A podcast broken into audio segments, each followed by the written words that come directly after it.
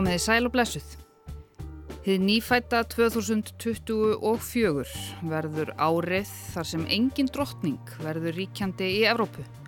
Og þetta er í fyrsta sinni næstum 200 ár sem það gerist en Viktoria Breta drottning settist í hásætti föður síns 1837 og var þannig eina ríkjandi drottning Evrópu. Um tíma voru þær meira segja þrjár drottningarnar sem voru aðstar í röðinni. Þar voru í Hollandi, Breitlandi og Danmörku. Beatrix Hollandsdrottning afsalaði sér krúnunni 2013. Elisabeth Önnur, Englandsdrottning, lést í hitti fyrra og nú leikja Danir í því eftir að Margret Þórhildur, drottning þeirra, tilkynnti í áramóta ávarpi sínu mjög óvænt að hún ætlaði að afsala sér krúnunni síðar í mánuðinum og prinsinn hennar, Fridrik, verður konungur yfir Danmörku. Ég heiti Sunna Valgerðardóttir og í þetta helst í dag verðum við á efstu stjættarbuksunum og beinum aðteglinni að frændum okkar og fyrrum nýlendu herrum en skoðum líka aðeins álfuna sem við búum í. Auðvitað með tilliti til konunga og fyrverandi eða verðandi drotninga.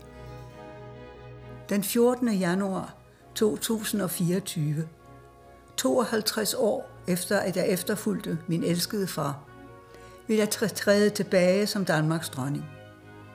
Jeg overlader tronen til min søn, kronprins Frederik. Þann 14. janúar næstkomandi ætlar Margret Aleksandrín Þórhildur Ingrid, Margret Önnur, drottning Danmerkur að stíga til hliðar sem ríkjandi þjóðhöfðingi landsins. Hún hefur þá verið drottningi meira en halva öld en 14. janúar verða leiði nákvæmlega 52 ár síðan að hún tók við krúnunni af föður sínum, Friðriki nýjunda. Og þetta er í fyrsta sinn í sögu Danmerkur sem þjóðhöfðingi, kongur eða drottning, afsalar sér krúnunni. Margret Þórhildur heitir raunverulega Margrete sem er gott og gilt danst og íslenskt nafn, skrifað með ég og engu hái og svo leiðis á okkar ástkæra Ylhýra. En hún heitir líka Þórhildur með þotni og ói. Og það er vegna þess að Kristján tíundi, kongur og afennar, var sko konungur Íslands þegar hún fættist 16. april 1940. Uh, mine forældre havde jo besøgt Island ret kort før krigen, og uh, min mor blevet meget betaget. Já, hún sagði þannig drottningin að, að fóröldar hennar hefðu heimsótt Ísland skömmu fyrir stríð. Þá voru þau náttúrulega krónprins og krónprinsessa ja, Íslands, því Ísland var konungsríki. Uh, og hún sagði að móður hennar hefði orðið hilluð af landu og þjóð og fæðir hennar hefði verið að lengja, hann hefði komið náttúrulega sem, oft sem ungum aður. Mm. Og út af þessu hefði hún verið skild þessu íslenska nafni Þórhildur og síðan þegar mammina var að, að, að kenna að læra að lesa þá fór það meðal annars í öll skilna nafnin og, og hún kendi henni hvernig þetta bera þetta fram Þórhildur og hún segir líka sko það er skrifað með þotni ekki TH. Jeg husker, at da jeg begyndte at læse sagerne en gang i skoletiden, så skulle jeg jo finde, finde en, der hed Thorhilder, og så var det en hver gammel rammenskralde. Det var jo meget ærgerligt.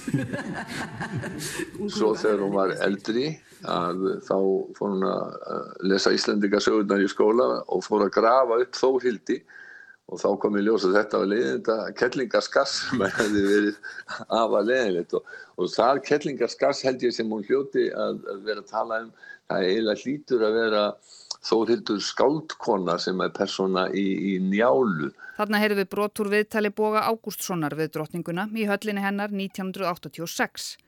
Bogi ber drottningunni vel söguna eins og kom fram í síma viðtali hans og Björns Þór Sigbjörnssonar fyrir þremur árum þegar enginn mátti hittast og drottningin varð áttræð.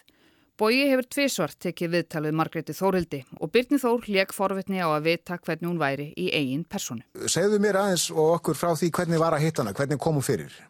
Mjög, mjög vel eins og ég sagði, það var góð rand í Danmarku þennan morgun, hún var mjög afslöpuð og hún var uh, bara afskaplega indæl kona. Já.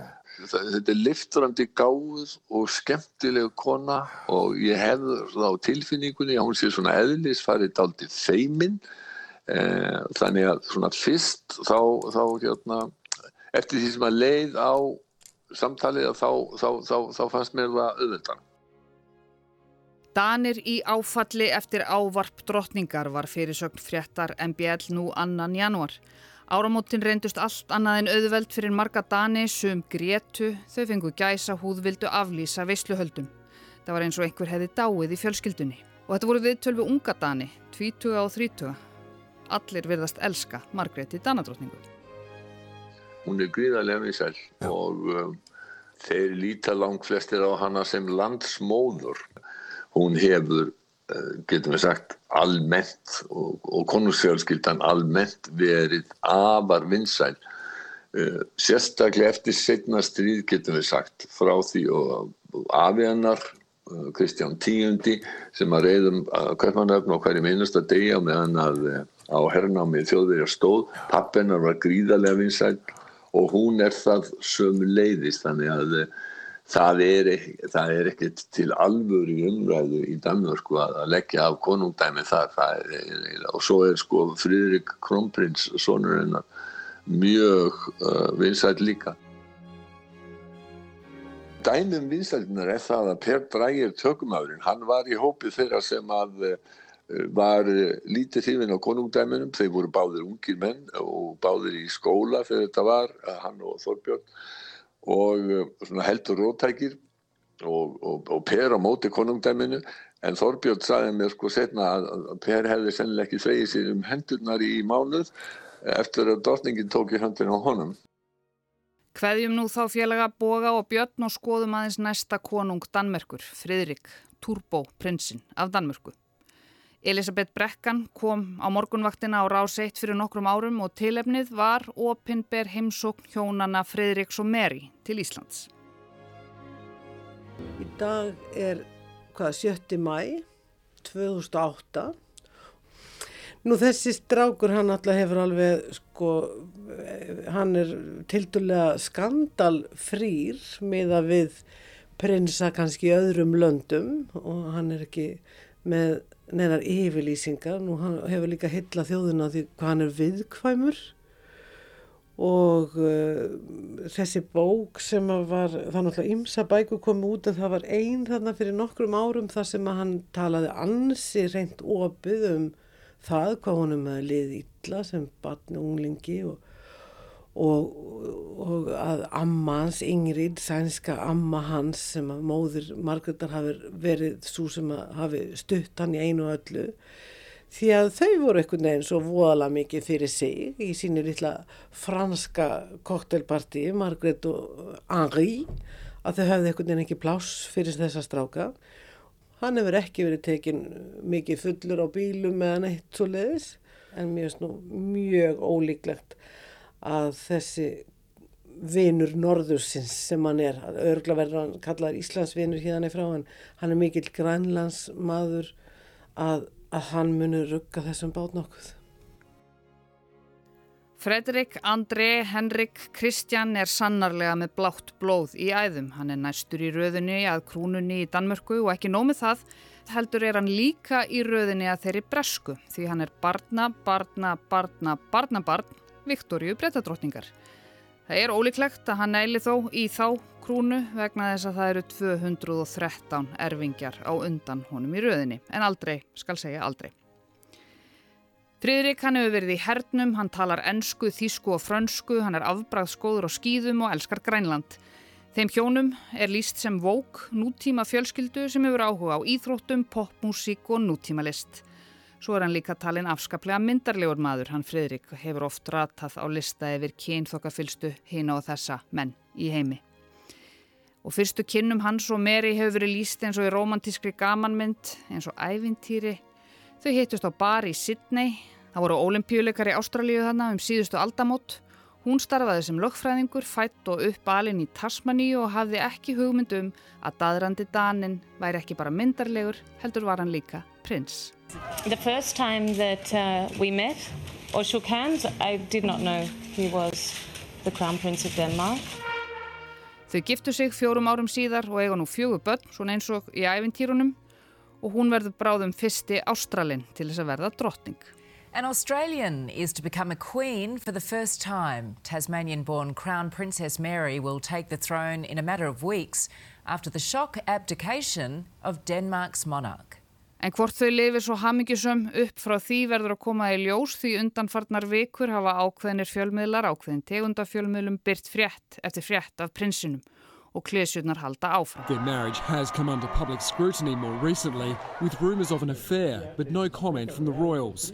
Fridrik var sagður hafa átt í ástarsambandi við suðræna leikonu. Sú er mexikonsk og heitir Genoviva Casanova.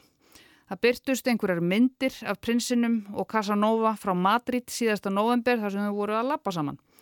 Fridrik hafði þá farið til spænsku höfuborgarinnar í enga erindum til að auðga andan, skoða listasöfn, horfa á flamingódans og borða góðan mat. Svo komi ljósa vinur hans sem átt að leiðan um var vist með COVID og komst ekki til þess að hitta hann en hann sendi Casanova í staðin. Og af þessu öllu saman náðust myndir.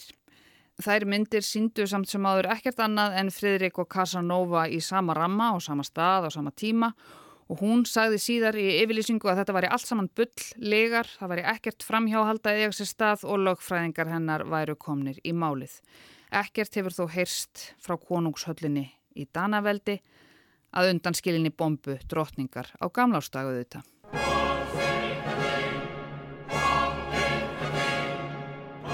Segjum nú skiliði prinsinn af Danmörku og höldum áfram ferð okkar um hinn konungsríkja Evrópu. Þau eru enn nokkur.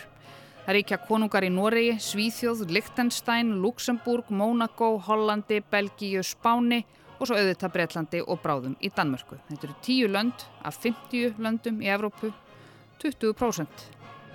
Það er vola lítið sem bendir til þess að að þessum bát verði ruggað, korki Svíþjóð, Danmörkun, Nóri, en þetta kerfi, þetta virðist verið einhvers konar farsalt, að, sko þó þetta sé hálf skitsofrend að maður hugsa um það. Lönd sem eru, sko þar sem mest demokratía eða, eða er að að það séu konungdæmi, menna eins og í Svíþjóð öll þessi ár sem að voru sósildemokratisk stjórn en konungdæmi, þetta er eins konar sko, skitsofrend ástand. En þetta virðist samt vera eitthvað kerfi sem að gengur vel vegna þess að þá, þá er þá, það verður á, eðlilegt framhald, kontinuitet eins og það heitir nú til dags. Og ég get ekki séð að sé nokkur ástæða eða ég, ég veit ekki hvað þetta vera sem myndi breyta því það væri þá skandal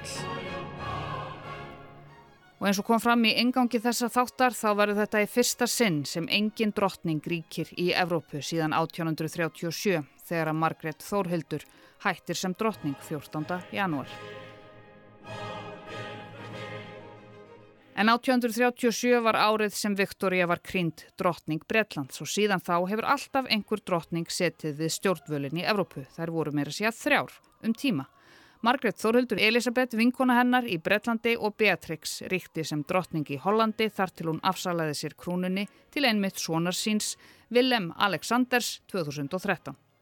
Og eins og konungsfólki, Sæmir, kom hún í ofinbæra heimsókn til Íslands, það var 1994 og hún var fyrst hollandskra þjóðhauðingja til þess að gera það reyndar. Hún skoðaði listaverk, hitti fólk og klappaði börnum á kollin. Beatrix hlaut háskólamöndun í Leiden í Hollandi og hefur allatíð verið mikill áhuga maður um sögu og stjórnmál. Drotningin er sömulegis kunn fyrir áhuga sinn á listum og högmyndalist stundar hún sjálf í frístundum og í dag fekk hún tækifæri til að skoða úrval af íslenskri nútímalist þegar kjærvalstaðir voru heimsóttir. Síðdeis tók drotningin svo á móti hollendingum búsættum á Íslandi og í kvöld sittur hún kvöldverð í bóði fórseta Íslands á Hótel Sögu. Kollega Beatrix og Margreðar Þórhildar Elisabeth Önnur lést 2022 og þarf líklega ekki að revja það allt saman upp. Til þess bendum við hlustendum á aðra þætti meðal annars í þetta helst og heimskuðum og svo auðvitað bara þeir krán sem voru helgaðir þeirri merku konu en Karl, sonur hennar, hætti síðasta haust að vera prins og varð konungur.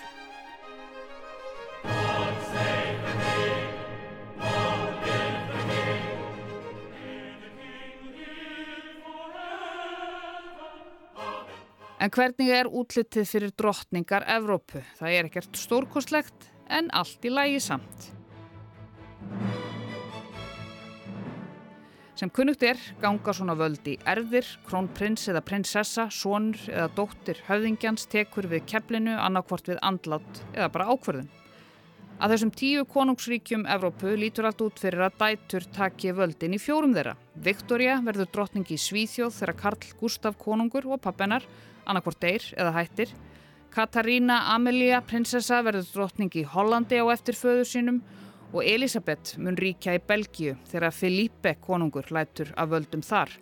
Og nafni hans og kollegi Felipe Spánarkonungur lætur krúnuna í hendur dóttur sinnar Leonóru prinsessu þegar hann hættir að vera kongur. En ég heiti bara Sunna Valgerðardóttir og ber engan titil annan en umsónarkona frétta skýringa þáttarins þetta helst á rás 1. Látu nú þessari konunglegu yfirferð um drottningarleysið í Evrópu lokið. Það er hægt að hlusta á þennan þátt og aðra helst þætti í spilararúf og hlaðvarpstöðum, appa og internetsins. Takk fyrir að leggja við hlustir í dag og við heyrumst aftur á morgun.